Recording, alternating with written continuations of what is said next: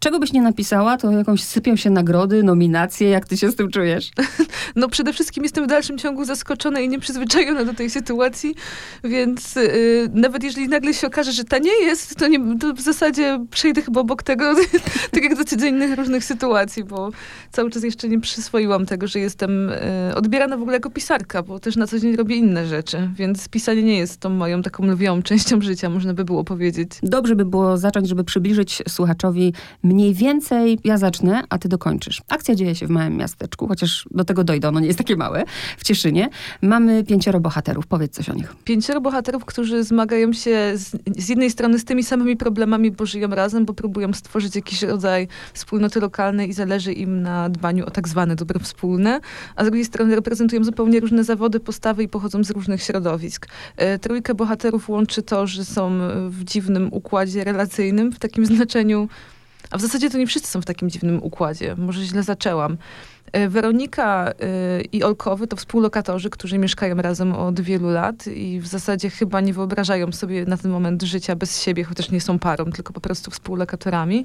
E, do tego jest Baśka, która jest dziennikarką lokalną, a do tego Dagmara i Darek, którzy są rodzeństwem mieszkającym w Cieszynie, które pochodzi z takiego domu, gdzie były różnego rodzaju problemy, ale dzięki ich jakimś zaangażowaniu, dzięki ich chęciom i też wsparciu tamtej trójki przyjaciół udało im się stworzyć taki rodzaj e, więzi przyjacielskiej, poprzez które oni poznają swoje życie i też docierają do takich przestrzeni, do których by z pewnością nie dotarli w ramach tych swoich standardowych zawodów, czyli pracy w fundacji, pracy w szkole i pracy w mediach lokalnych a z kolei e, Świeżynka i Darek, którzy mm, są z tego innego środowiska, e, pracują między innymi w barze Kurczak e, i w do, Domu Pomocy Społecznej. I nie powiedziałaś, dopiero później to wyszło, ale to uporządkujmy, że właśnie kim jest Wera? Ona zajmuje się... Wera prowadzi fundację i kropka. Zajmuje się współpracą, pracą. Ona cały czas szuka właściwie określenia na to, z osobami, które znajdują się w trudnej sytuacji życiowej. Czy to są osoby bezrobotne, czy matki zmagające się z, jak, z jakimiś kryzysami, czy też młodzież po ośrodkach wychowawczych. To jest taka dosyć szeroka działalność społeczna,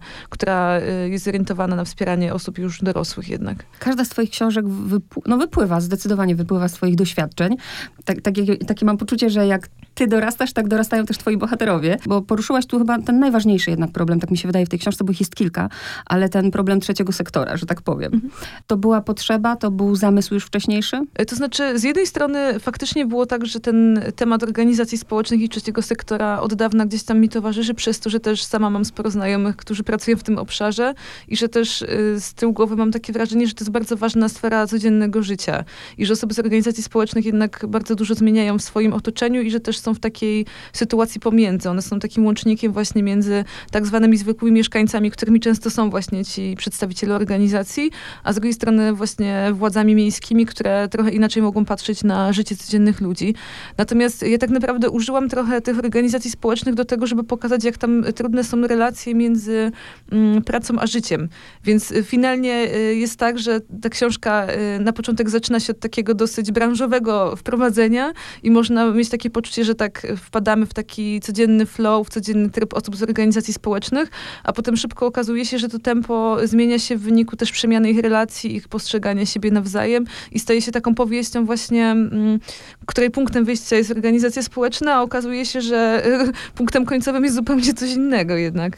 To prawda, ale właśnie dobrze, że o tym powiedziałaś, bo część ludzi odbierze pewnie tę książkę, a szczególnie ci, którzy są związani y, z trzecim sektorem, jako satyrę na to. Ja, jako pokazanie tego, jakie to jest, y, wiesz o czym po prostu piszesz. I niektórzy to mogą właśnie odebrać, żeby pokazać, y, szczególnie w małych miasteczkach, świat tych tej, znaczy nie chcę powiedzieć obudy, ale tych zależności. Tak, tak. Te sieci zależności są wszędzie, jakby niezależnie od skali miasta, natomiast y, sądzę, że w tych mniejszych skalach y, małych, średnich miast widać je po prostu w inny sposób, bo jest tak, że jednak mamy bezpośredni kontakt z urzędnikami, którzy y, pracują w danych wydziałach i też często na przykład osoby, które angażują się społecznie w pewnym momencie trafiają na przykład do komisji oceniających wnioski. Ja sama miałam taką sytuację i ona mocno mnie potrzaskała życiowo, że tak powiem, bo zdałam sobie sprawę z tego, jakie to jest też szalenie trudne z tej drugiej strony, kiedy okazuje się, że trzeba decydować, czy przyznać środki e, na biedne dzieci, weteranów wojennych, czy może na niepełnosprawnych. Więc, więc to są takie bardzo trudne momenty. Natomiast wydaje mi się, że sam problem mm, ubiegania się dotacje i takiego mądrego pomagania innym dzieje się niezależnie od miejsca, bo jest to praca w jakimś sensie taka peryferyjna, która wymaga jednak y, przepracowania sobie na co dzień, czym właściwie jest to pomaganie. I sądzę, że ci bohaterowie właśnie bardziej zmagają się z tym niż całą tą papierologią, że oni tą papierologię wykorzystują w swoim języku, żeby tak jak właśnie powiedziałaś, pokazywać absurd pewnych sytuacji, ale zarazem też się od tego nie są w stanie całkowicie odciąć, bo oni jednak w dalszym ciągu piszą dotacje, używając języka takiego trochę zdehumanizowanego w pewien sposób, żeby opowiadać o prostych historiach ludzi, których nie da się łatwo opisać we wniosku, ponieważ są ludźmi, a nie grantami. Cały czas mówię, że ta książka jest dla mnie tak ważna, bo też pracowałam w lokalnych mediach i pięknie to opisujesz. Niektórzy mówią, że łatwiej w małych miastach prowadzić fundację. Mnie się wydaje, że odwrotnie, bo z jednej strony rzeczywiście te osoby są na świeczniku, ale wystarczy jeden mały błąd i wszystko jest, wszystko leży w gruzach. Mało tego, a propos tych zależności i lokalnych mediów. W tej książce to fajnie widać, że czasem o wiele mniej ważne jest to, komu się pomaga, albo ta osoba, której się pomaga, czy ta grupa ludzi, tylko ważniejsze jest to, żeby w mediach było widać, kto pomaga. Nie? Tak, tak, tak. Zwłaszcza te sytuacje, w których dziennikarz lokalny, nie wiem, otrzymuje takie, samo honorarium za wykonanie, nie wiem, 10 zdjęć w terenie z jakiegoś festiwalu, festynu, a sesji Rady Miejskiej, gdzie trzeba opisać już takie bardziej skomplikowane zależności i naprawdę mieć ogromną wiedzę na temat samorządu, między innymi. Więc sądzę, że dziennikarze lokalni są w takiej bardzo trudnej sytuacji, a zarazem jest przed nimi mnóstwo wyzwań, y, które są szalenie ważne, bo y, opisując rzeczywistość małej miejscowości, jednak jest inaczej, kiedy jest się tam na miejscu. Natomiast na pewno ważne ważne jest to, co powiedziałaś, to znaczy, że w takich skalach trzeba trochę schować do kieszeni własne ego i skupić się na konkretnych sprawach, bo jeżeli też y, nie będziemy czasami iść na pewne kompromisy, czy szukać jakiegoś wspólnego rozwiązania dla y, często bardzo odmiennych zdań, no to może się okazać, że nie mamy nagle z kim rozmawiać, bo mamy podcinane wszystkie y, możliwości i że tak naprawdę bycie dziennikarzem to nie jest tylko bycie dziennikarzem, ale bycie osobą, która w ogóle ma szerszy wpływ na życie ludzi. To jest taka właściwie działalność zbliżona do działalności organizacji społecznej w pewnych aspektach, bo czasami okazuje się, że ten dziennikarz jest osobą, która zainteresuje się jakimś ważnym lokalnym problemem i jeżeli on tego nie zrobi, to nikt tego nie zrobi. To też prawda. A powiedz, y, bo myślę, że mieszkańcy Cieszyna się bardzo cieszą. Cieszą się Cieszynia, nie? Myślę, że gdziekolwiek mogłabyś umieścić tę akcję. Czy Cieszyn tak inspiruje, czy po prostu znasz najbardziej to miasto? I dlatego? Mhm. To znaczy, moje poprzednie książki, Lata powyżej jezera i Ma być czysto, działy się w Dąbrowie Górniczej, bo tam też mieszkałam. E, natomiast Cieszyn jest dla mnie ważny też z takiej perspektywy czysto literackiej, nie tylko te, tego doświadczenia, które jest dla mnie szczególnie ważne, bo przez wiele lat tam e, mieszkałam, właściwie od 9 lat tam, e, od 2009 roku prowadziłam tam z dziewczynami e, w świetlicy krytyki politycznej działalność społeczną, ale też dlatego, że ono jest ciekawe, jakie takie tło do tych konkretnych wydarzeń, bo to jest ten typ miasta, które jest takie bardzo urokliwe, ładne, turystyczne, jest to pogranicze, mm, te piękne fasady aż tak zachęcają, żeby tam y, zakochać się w tym mieście, a zarazem y, to nie zmienia tego, że to miasto zmaga się też z takimi uniwersalnymi problemami, jak wiele innych miast w Polsce, które już nie są takie ładne wizualnie.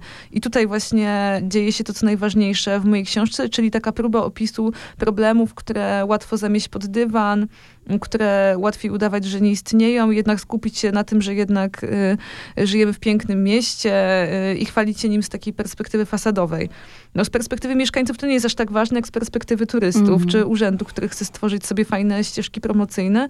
Y, ale, y, ale myślę, że też nie jest przypadkiem, że Cieszyn o wiele częściej niż moje poprzednie krajobrazy mm, jest przestrzenią literacką, ponieważ no, mieszkał tam Kornel Filipowicz, Julian Przyboś, tak. teraz mieszka Zbigniew Machę, Jerzy Kronhold, więc to jest takie miasto dosyć, y, wydaje mi się, płodne literacko i, i dużo osób odnosi się jednak do tej przestrzeni, bo ona jest taka specyficzna, jest też taka bardzo jednak lokalna, ma specyficzną tożsamość. Ja też starałam się ją nakreślić, bo wiele małych miasteczek o takim rysie mieszczańskim ma jakiś taki swój rodzaj tożsamości lokalnej, którą pielęgnuje, na której się skupia.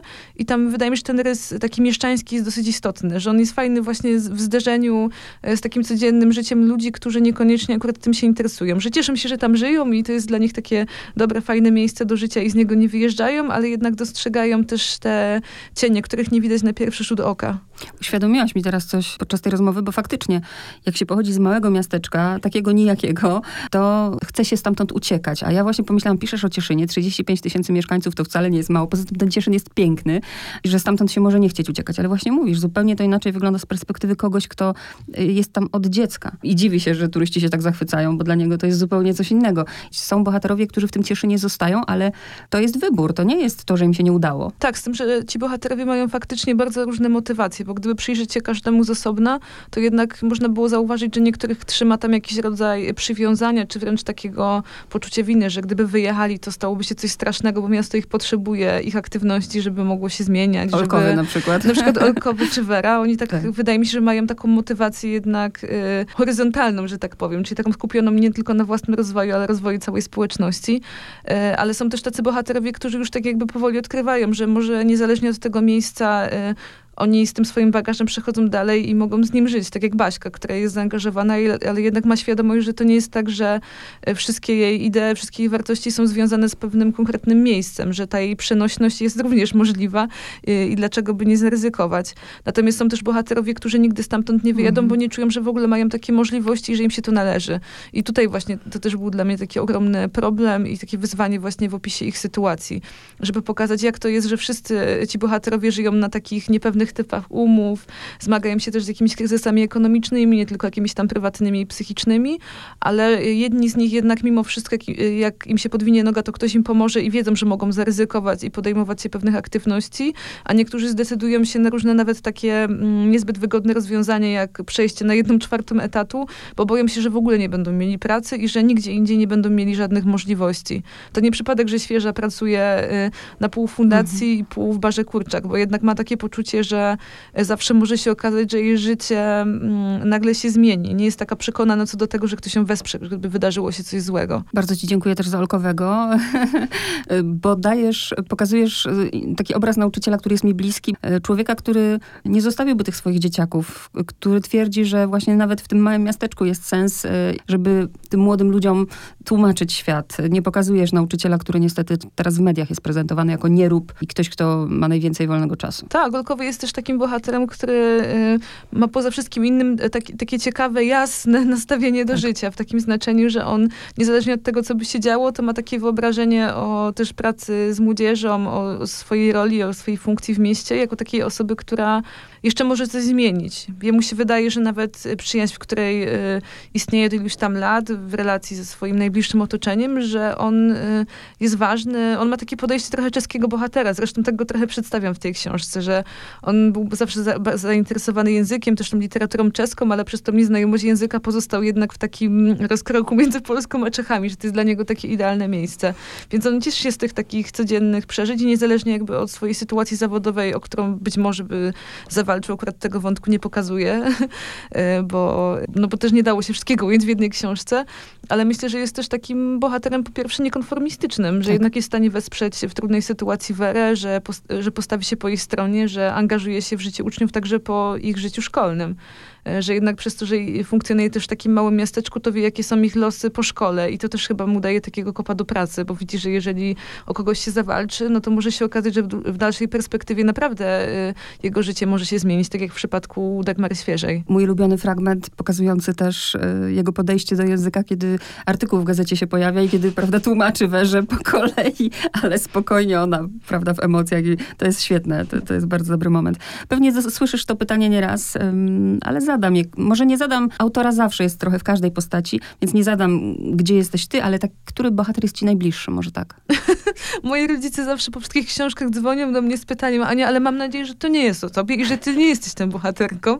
A ja zawsze y, z premedytacją y, ukazuje jakieś takie elementy siebie w postaciach, których nawet jakoś tak za bardzo nie lubię, tak szczerze mówiąc. Znaczy wszystkich tych bohaterów lubię, ale pokazuję ich tych wszystkich takich y, jednak też negatywnych cechach i wadach. Jakby wydaje mi się, że w tej książce faktycznie ci bohaterowie na początku są budowani głównie na wadach, poza świeżynką, y, więc to też jest dla mnie jakieś tam ciekawe.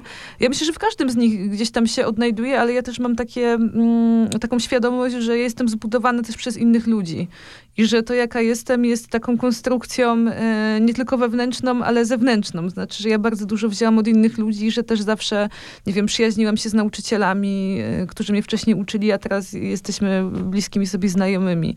E, sama działam w organizacji społecznej, więc mniej więcej wiem, jakiego typu bohaterów nie lubi się w przestrzeni publicznej. No. Weronika z jednej strony może mieć jakieś cechy wspólne ze mną, chociaż no, moje prywatne życie wygląda zupełnie inaczej, ale na pewno ma taki rodzaj zawziętości, może jakiegoś takiego zaangażowania, które sprawia, że, że chce zawalczyć o innych ludzi. A zarazem jest odczytywana z zewnątrz jako taka jednak y, bardzo drażniąca, denerwująca postać. Jako ta osoba, która zawsze chce mieć to ostatnie zdanie.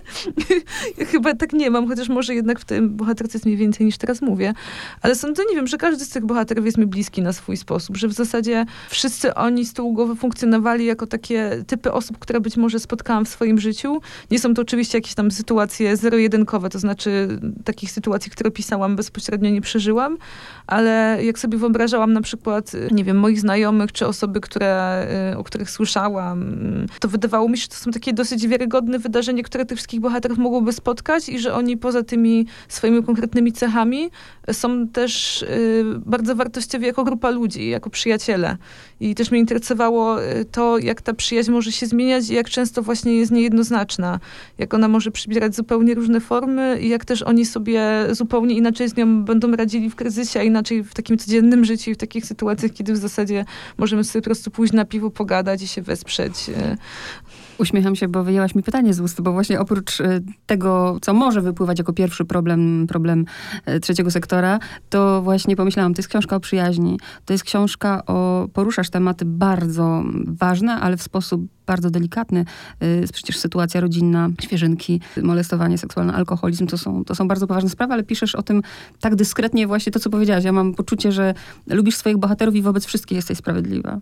No to się cieszę. Znaczy, y, myślę, że akurat te problemy, o których mówisz, y, chyba podobnie jak wcześniej, ja próbuję przerabiać na, e, na przykładzie teraźniejszości, że ja nie jestem też takim typem autorki, która będzie chciała tak bardzo głęboko wejść w czyjąś przeszłość, tylko przyglądam się z perspektywy też trochę akurat tej chyba wyrowej, czyli mhm. tej działaczki, która jest w takim momencie, kiedy mm, wydarzy się pewna sytuacja, ona musi jej sprostać. Więc ona nie może nagle wejść w buty psychologa, który będzie rozwiązywał jej nierozwiązane jakieś tam traumy, tylko musi zareagować na natychmiast. I, ci, I, w zasadzie, gdyby przyjrzeć się naszemu życiu już tak pozaksiążkowo, no to niestety wszyscy tak musimy funkcjonować, że dzieją nam się straszne rzeczy w życiu, a my idziemy dalej i musimy z tym żyć. No nawet y, jeżeli bliska osoba z naszej rodziny umrze, no to dostajemy dzień czy dwa dni urlopu i, i nic no. więcej.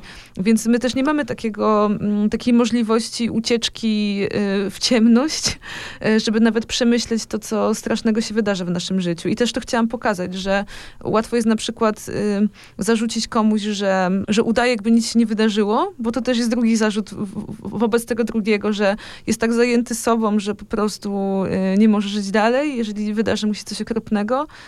I chciałam to pokazać, że jednak często skazujemy też osoby na tak, takie też pogłębienie traumy. A tu chciałam pokazać właśnie, jak y, można zareagować po przyjacielsku, nie próbując y, komuś wyjaśniać szczegółowo jego przeszłości, bo czasami przyjaźń przecież nie polega na tym, że mamy komuś coś wyjaśnić i powiedzieć, jak jest, tylko po prostu przy nim być. Teraz zaczyna się seria pytań technicznych, które też zawsze mnie bardzo ciekawią, ale zacznę jeszcze od tytułu, a nie, jeszcze dedykacja. Dedykacja kim była dla ciebie pani Lidia? Z Lidią Ostałowską y, napisałyśmy wspólnie pierwszą książeczkę, tak bym mogła to nazwać, y, o zaufaniu dla dzieci. I to była pierwsza osoba, do której odezwałyśmy się ze świetlicy, y, kiedy chciałyśmy opisać takie doświadczenie tego, jak buduje się zaufanie w codziennych relacjach z młodzieżą. Przez to, że pracowałyśmy z dziewczynami, z nastolatkami, które zmagają się z różnymi kryzysami, trafiają do ośrodków wychowawczych między innymi, y, to szukałyśmy takiej osoby, która byłaby w stanie w taki empatyczny sposób powiedzieć właśnie o tym, jak budować zaufanie w takich właśnie bardzo trudnych warunkach. I Lidia Ostałowska była autorką, y, reportażystką, niestety zmarła w ubiegłym roku. Y, w styczniu, mm, która potrafiła w taki sposób opowiadać o tym zaufaniu, że, y, że my byłyśmy od razu pewne, że to jest ta osoba, z którą chcemy ten temat podjąć. Y, I Lidia w zasadzie od tamtego momentu, od kiedy zaczęłyśmy pisać książeczkę, cały czas gdzieś tam w tle towarzyszyła życiu świetlicy i też mojemu życiu jako autorki w pewien sposób. Mm, Lidia też wsparła nas y, pisząc tekst, dzięki któremu mogłyśmy zabrać dzieci na kolonie. Była osobą, która potrafiła w taki bardzo wrażliwy, empatyczny sposób pokazać y, życie ludzi, którzy są w kryzysie, którzy często są opisywani w taki sposób egzotyzujący w zasadzie ich codzienne życie. Tak jakby chciała tylko, y, tak jak takie dziennikarstwo szybkie pracowe, tak? Kiedy chcemy opisać tak, żeby było sensacyjnie, żeby było wiadomo kto, jak, w szczegółach komuś coś zrobił, e, a nie e, pokazać szersze problemy, które są związane z tym, że ludzie posuwają się do takich trudnych, często tragicznych momentów. I Lidia zawsze zwracała uwagę na takie osoby, które są w trudnych momentach, ale też nie robiła z nich ofiar. I, i, to, było w, i, i, to był jeden z tych y, motywów w jej twórczości, który wydaje mi się jest bardzo trudny mm, do odtworzenia, odzyskania. W tej chwili wydaje mi się, że jej teksty są bardzo autentyczne, nawet te właśnie z lat 90. w zasadzie. Gdzieś przeczytałam, że ona była, nie wiem czy to prawda, pierwszą czytelniczką twoich książek, tak? Y, tak, no jak, jak, było pierwsze spotkanie o Ma być czysto, to on, y, o mojej książce debiutanckiej, już tej prozatorskiej, no to ona zadała mi takie pytania, które wydaje mi się, że no, mocno mnie tak skonfigurowały na przyszłość. I, w zasadzie one cały czas mi krążą. Zresztą ja też jej dedykuję tę książkę dlatego, bo między innymi to ona zapytała kiedyś w trakcie wywiadu, co to znaczy pomagać dobrze. I ja z jednej strony nie mam do dzisiaj pojęcia, jakbym tak miała jakoś krótko, prosto wymienić, co to w zasadzie oznacza, bo w przypadku każdej osoby to jest coś zupełnie innego i lekki bagaż w jakimś sensie... Y, jest takim rodzajem odpowiedzi na to mm. pytanie, ale takim bardzo jednak rozbudowanym i nie do końca chyba dającym e, jasną odpowiedź, czym to jest. Więc myślałam też o niej pisząc tę książkę w takim kontekście, myśląc sobie na temat tego, co to oznacza pomagać dobrze i gdzie ty jesteś w tym pomaganiu, gdzie są inni ludzie, gdzie jest ta cienka granica przebiegająca między waszymi relacjami. A czy ciebie denerwuje to, ja w ogóle nie lubię, jak się gdzieś tam kogoś szufladkuje i spotkałam, spotkałam już się kilka razy, że nazywa się twoją literaturę literaturą literaturą społeczną. Denerwuje cię to, czy po prostu... Mnie chyba nic nie denerwuje. Znaczy w takim znaczeniu, że tyle innych rzeczy mnie w świecie denerwuje, że szufladkowanie mnie jest dosyć wtórne wobec tego wszystkiego, co się wydarza. To Więc znoszę bardzo, wszystko. Bardzo mądre podejście do tego. Tytuł, niektórzy mają najpierw tytuł, a później piszą. Jaki, jaki był początek tego pisania? Kiedy narodził się ten pomysł akurat? Czy nie wiem, masz najpierw jednego bohatera, jest to Olkowy albo Wera i gdzieś później rozbudowujesz, czy najpierw piszesz szkic, a tytuł na końcu opowiedz o tym. Znaczy, praca nad każdą książką jest jednak zupełnie inna. Kiedyś mi się wydawało, y, że jeżeli napiszę kolejną książkę po być czysto, to że pewnie ten proces będzie przybliżony i że po prostu będę przychodzić do domu, siadać wieczorem przy biurku, pisać, potem przyjdzie weekend, więc znowu będę pisać i będę szukała takich luk w czasie, żeby uzupełniać życie moich bohaterów y, o to, co w ciągu dnia nagle mi się gdzieś tam przypomni. Mm, ale jednak okazuje się, że w przypadku każdej książki ten proces jest zupełnie inny. W przypadku lekkiego bagażu było tak, że e, jedynym czymś wspólnym, co mi towarzyszyło też w poprzednich książkach, była taka myśl, że właśnie chcę opowiedzieć y, o tym, w tym przypadku pomaganiu, i nawet sobie nie nazwałam tego w taki sposób, że będę teraz pisała o trzecim sektorze dla trzeciego sektora, tylko starałam się jednak opisać taką książkę, która by właśnie wymykało się mm, tej szufladce, że to będzie książka y, myślana pod kątem konkretnej grupy ludzi. Chciałam po prostu opisać pewne zderzenie i to zderzenie miało dotyczyć właśnie um, Weroniki, Olkowego i Baśki, przyjaciół, którzy mają przyjaciół, których być może nigdy by nie poznali w codziennym życiu, gdyby nie zaangażowali się w to pomaganie, bo jednak ono ich zbliża do innych ludzi, niż gdyby wykonywali takie zawody y, osobne. I myślę, że w przypadku tej książki było tak, że w zasadzie y, nie byłam do końca pewna y, fabuły, z takim znaczeniem, że nie siadłam z gotowym pomysłem na to, jaki będzie szkic książki, tylko y, bardziej bazowałam na takich dwóch plamach. Y, jedna z nich to było takie stworzenie ich codziennych relacji w tym momencie bez kryzysu, żeby zobaczyć, jak y, mogą żyć ludzie na co dzień.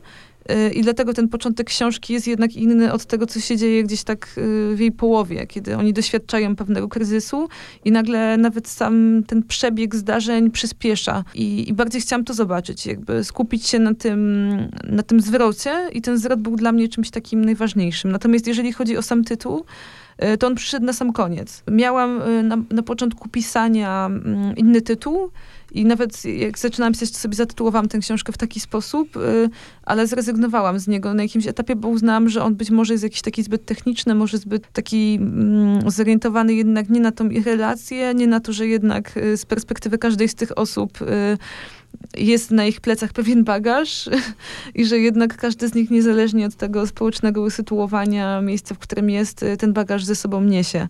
Więc wydawało mi się, że ten tytuł y, w jakiś sposób będzie dotyczył wszystkich bohaterów, a nie tylko wybranych.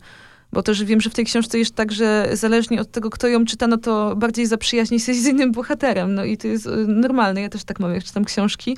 A w związku z tym, że ich jest dużo, to zależało mi na tym, żeby chociaż tym tytułem jakoś tak y, wyrównać ich szanse w tym, żeby można było myśleć o każdym w jego kontekście. No jest bardzo pojemny, bo rzeczywiście można też y, różnie interpretować. Cały dzień to jest tak, że o tym myślisz i później też spisujesz, czy właśnie siadasz, to jest ta przestrzeń i otwierają ci się wszystkie okna? Natomiast ja nie mam metody. To znaczy jakby mam z tym problem, żeby powiedzieć, jak to wygląda. Na pewno jest tak, że e, pisanie jest rodzajem jakiejś obsesji. E, w takim znaczeniu, że jak już zaczynam pisać książkę, to bardzo ciężko jest mi się z niej wyrwać.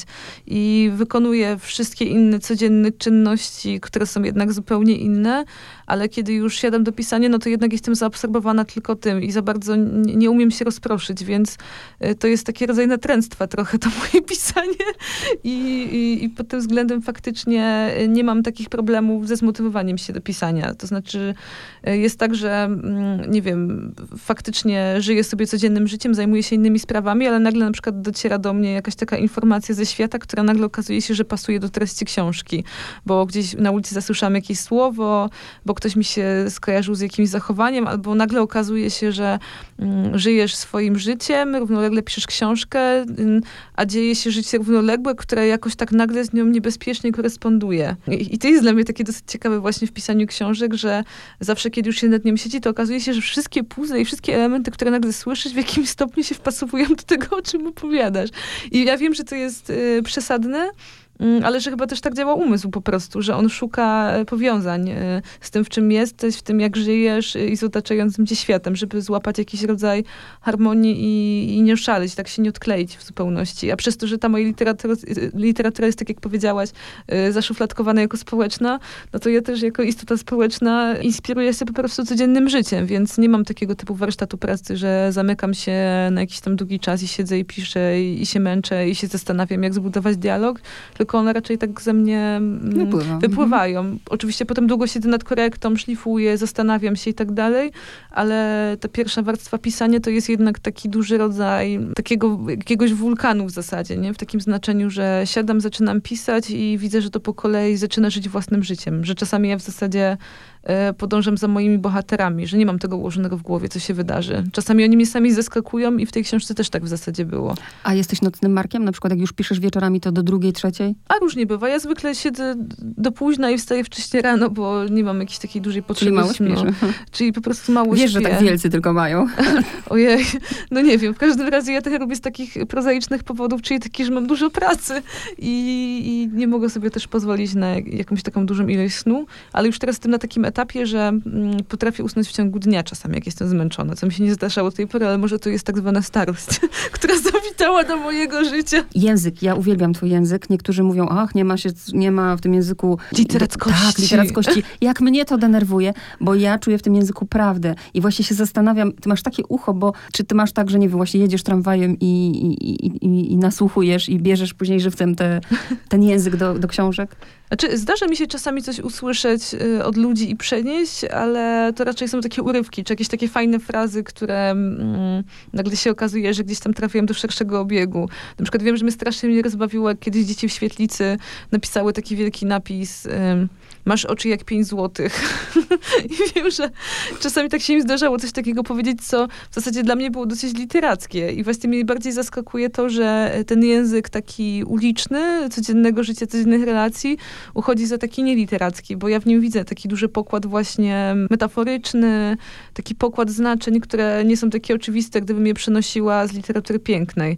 Więc dla mnie y, chyba naj, największą inspiracją jednak jest to codzienne życie i dlatego też y, tak mocno tego języka stylizuje, choć tak się czasami wydaje. Oczywiście e, ci bohaterowie mają jakieś takie swoje specyficzne sformułowania, frazy, no, no bo muszę ich w jakiś sposób skonstruować jako bohaterów, żeby nie byli tacy mm, jak wszyscy, ale wydaje mi się, że w dużym stopniu jest to też taka praca na, na takim, nie wiem, też jakimś rodzaju zachwytu tym, jak w ciekawy sposób ludzie się do siebie odnoszą. I to właśnie ci, którzy niekoniecznie są z tych wyższych sfer i muszą wszystko pięknie nazywać, ale potrafią, nie wiem, jednym słowem zamieść wszystko. E, I to jest właśnie ciekawe, że właśnie wśród takich osób, które często są w kryzysie, jest bardzo dużo takiego optymizmu, jakiegoś takiego rodzaju czarnego humoru. Ja, ja to sama dostrzegam na co dzień, że właśnie osoby, które zmagają się z jakimiś problemami, próbują e, często tak szybko siebie podsumować w jakiś taki zabawny sposób, żeby rozładować napięcie i tak już się nie zapętlać po prostu w tych problemach. I ci bohaterowie lekkiego bagażu trochę też tacy są, że oni czasami ucinają takie najważniejsze rozmowy i sprowadzają je do jakichś takich puent, które kogoś mogą irytować, ale oni w taki sposób sobie radzą. Znaczy to jest ich jakaś taka próba e, poradzenia sobie z rzeczywistością.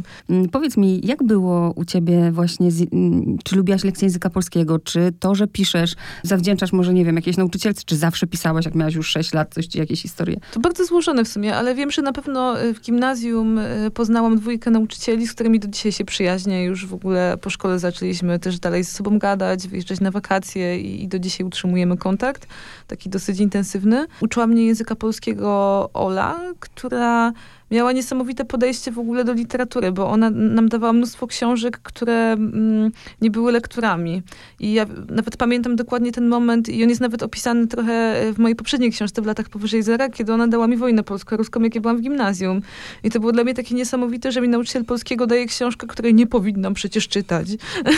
I, i, I, dzięki nim też jakoś tak, dzięki jej, jej mężowi, Robkowi, jakoś tak inaczej y, chyba patrzyłam na ten język, że oni mieli takie bardziej do niego frywolne podejście podejście, że wiadomo, że y, trzeba było spełnić pewne normy według klucza, jak się pisało wypracowanie, ale przez to, że mieliśmy jakieś tam dodatkowe kółka zainteresowań, no to tam już mogliśmy pisać normalnie, bardziej swobodnie i, i dzięki nim chyba tak jakoś mocniej poczułam, że nawet jeżeli nie mam tam świetnych ocen z polskiego, chociaż u nich akurat nie było tak w miarę okej, okay, później w liceum miałam gorzej, w każdym razie, y, że mogę się bawić też tym językiem i formą, że to nie jest też tak, że język mi służy tylko do tego, żebym skończyła szkołę, zdała egzaminy i używała tego poprawnego języka opisu, który jest jednak dosyć schematyczny, więc oni też wprost artykułowali. Wydaje mi się, że to też tak rozluźniało tą atmosferę pracy, kiedy ma się tą świadomość, że jednak inaczej się pisze wypracowanie, ale poza tym wypracowaniem też są inne formy literackie, to nabiera się pewnej takiej swobody pisania. Ja czuję, że przy nich chyba y, dużo mi się pod tym kątem zmieniło i dzięki nim bardzo dużo książek też przeczytałam po prostu.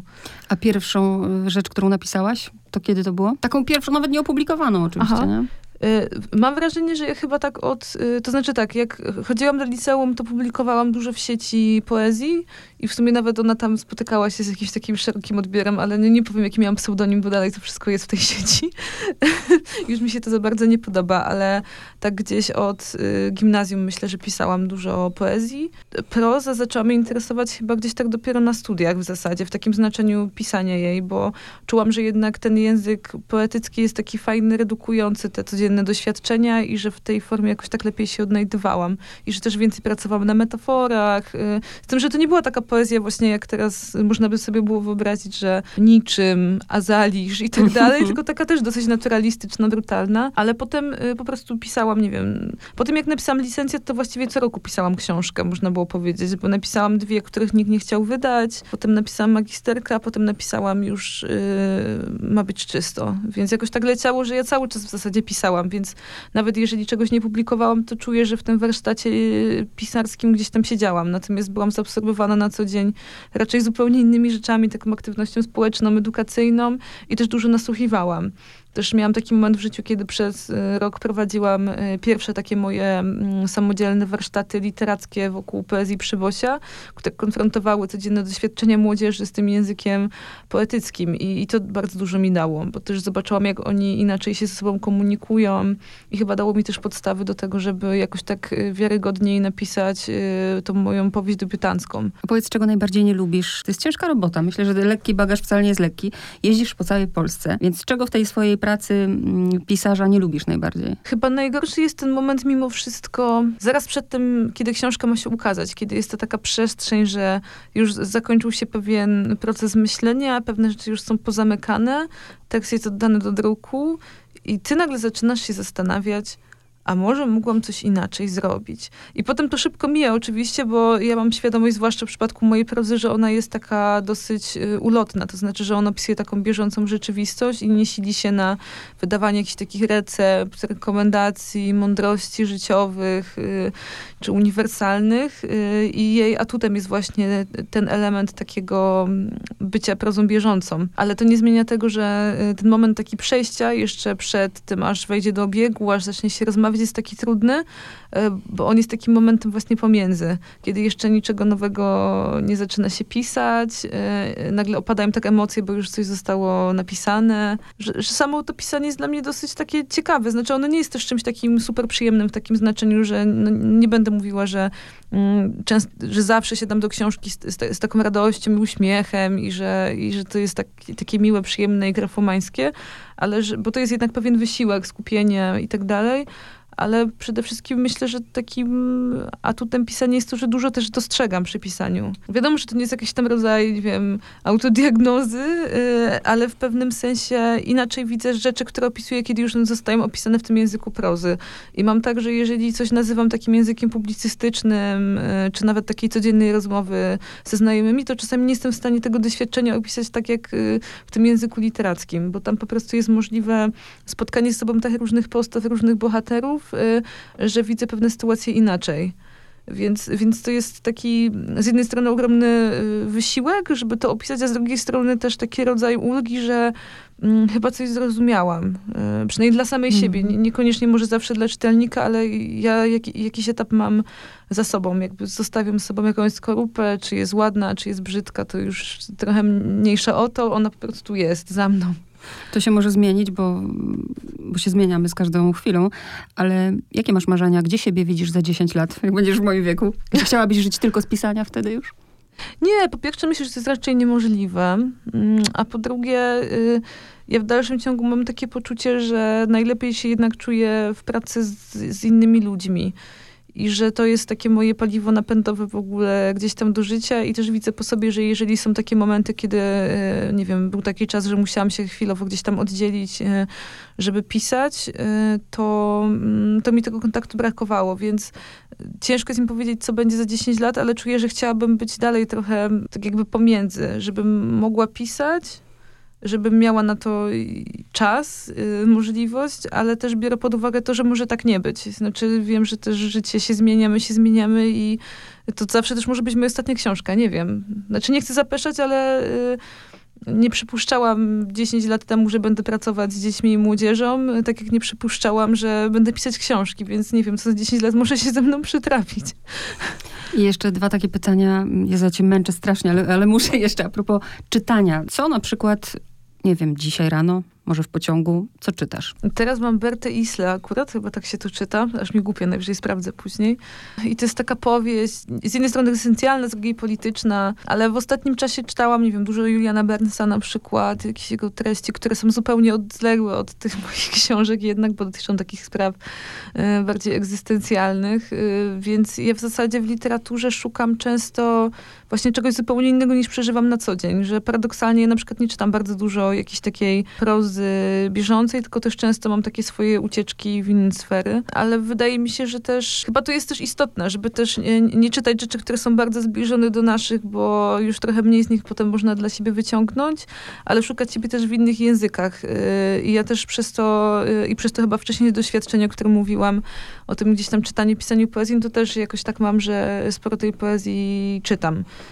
Więc Ale jak do ciebie książka trafia? Bo niektórzy mówią, że właśnie nie wybierają książek, niektórzy mają listę, niektórzy sugerują się, nie wiem, w gazetach e, tym, co warto przeczytać. Jak książka do ciebie trafia? Różnie. Wydaje mi się, że chyba najczęściej z rekomendacji znajomych, że nawet nie kieruje się jakoś tak mocno krytyką literacką, y, tylko bardziej takimi spostrzeżeniami bliskich mi osób, które mówią na przykład, że czują, że to jest książka, która y, byłaby dla mnie z jakiegoś powodu. Ale czasami też trafiam na takie książki, które mnie zupełnie zaskakują i sama po nie sięgam tak bezwiednie, bo na przykład, nie wiem, jestem gdzieś w drodze, no i akurat skończyłam czytać coś, no i chcę już mieć coś następnego.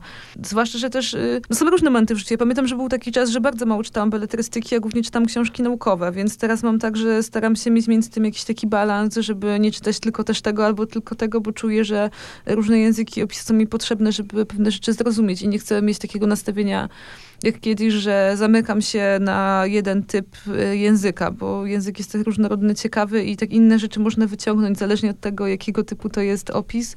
E, że nie warto się na te doświadczenia zamykać. Ja nie doszłam do tego, ale nie uważam, że to jest złe, że mm, ludzie podkreślają, zaznaczają, piszą po prostu. Żyje ta książka razem z nimi. Ja nie potrafię pisać po książce, ty jak czytasz, jak? No ja strasznie brudzę w tak. ogóle. Y, ja w ogóle po pierwsze oddaję książki ludziom i wiem, że to jest błąd i wiem, że niektórzy tego nie robią, ale ja w dalszym ciągu tak mam, że jak coś przeczytam, to od razu chcę, żeby ktoś to przeczytał. Nawet jak już z twoimi zapiskami, tak? Tak, tak. Mhm. I pierwsze, co zwykle robię, to na przykład mówię, ja musisz to przeczytać, już wiesz, natychmiast w tej chwili. I mam dużo takich książek, które są moje ulubione, a zupełnie ich nigdzie nie mam i często kupuję na przykład ponownie, jeżeli chcę mieć z nich jakiś cytat, albo muszę iść do biblioteki. Więc mam też trochę problem z korzystaniem z tych książek bibliotecznych przez to, że też mam tendencję do zaznaczania, do zaginania rogów przede wszystkim. Ja w ogóle nigdy nie mam żadnych zakładek, więc jak czytam książkę, to ktoś widzi po zagiętych rogach, w jakich momentach y, przestawałam, a czasami w ogóle już gdzieś tam zgniatam te strony i bardzo źle traktuję książki, ale to nie wiem, no może przez to, że też, e, nie wiem, notuję na przykład na książkach listy zakupów. Na... taki, ostatnio właśnie e, e, koledze miałam podpisać książkę, no i mówię, to czekaj, ja rozpiszę sobie z tyłu. Mówi, nie, nie rozpisuj, bo mi zepsujesz. Ja mówię, ale czy ci to przeszkadza, że z tyłu będziesz miał jakiś tam wężyk? A mówię, nie, to zepsuj mi całą książkę. Mówię, Boże. Nie, to, ale to jest ja tak piękne, to znaczy, że właśnie tak, żyjesz tą książką, ona jest twoim przyjacielem. Ja, ja nawet bym się chciała tego nauczyć, ale gdzieś to jest głęboko zakorzenione w dzieciństwie, że ten stereotyp, nie, książki się nie niszczy na takiej zasadzie, ale to jest moje, to każdy ma jakieś swoje rzeczy. Masz jakąś ulubioną książkę? To jest bardzo trudne pytanie, bo wiem, że trudno mieć jedną ulubioną, ale może taką, która, nie wiem, była dla ciebie tak ważna, że zmieniła, mm, albo ci się tak podobała językowo, albo zmieniła twoje podejście do czegoś. Mhm.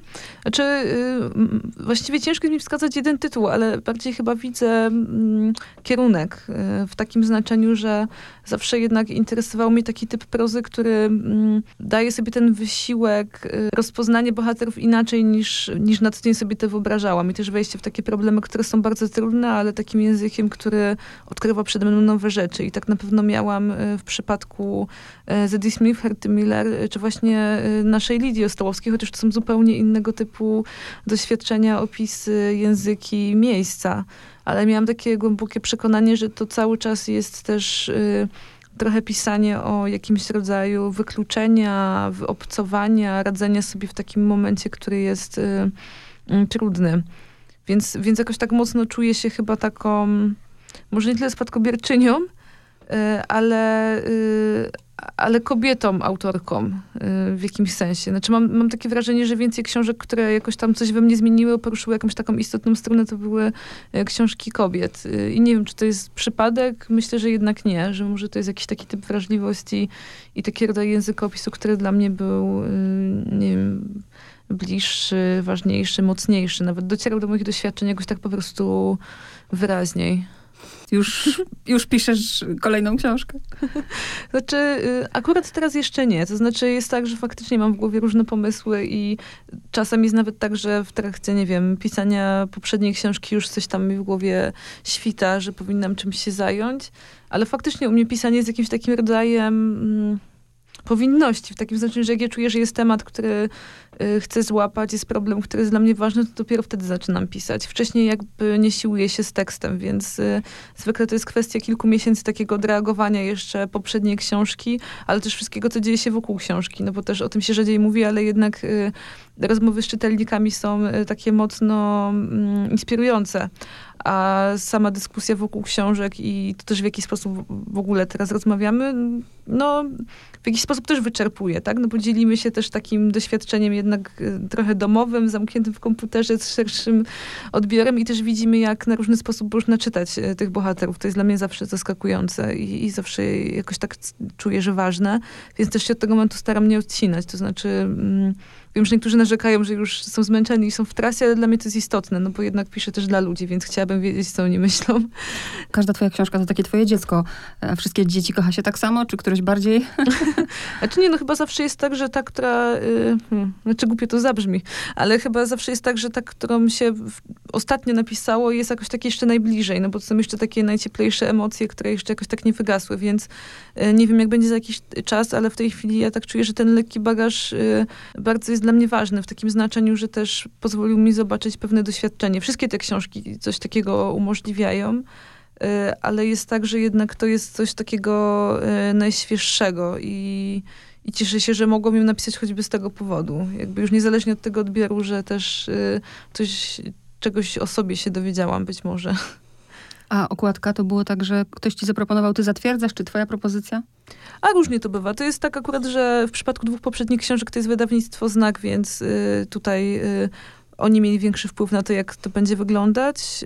Y, natomiast w przypadku mojej pierwszej książki, która była wydana przez krytykę polityczną, no to y, było fajnie, bo mm, narysowała mnie moja koleżanka z pracy w ogóle, Ania Pluta i, i też bardzo długo nad nią siedziała i też miałyśmy więcej czasu, żeby o niej rozmawiać. Więc jednak mniejsze wydawnictwa mają inne te polityki wydawnicze i w inny sposób się w nich pracuje. Y, tak myślę. Znaczy widzę taką różnicę. Ale ostatecznie y, nie miałam wpływu na to, jak będzie wyglądać, ale jestem zadowolona.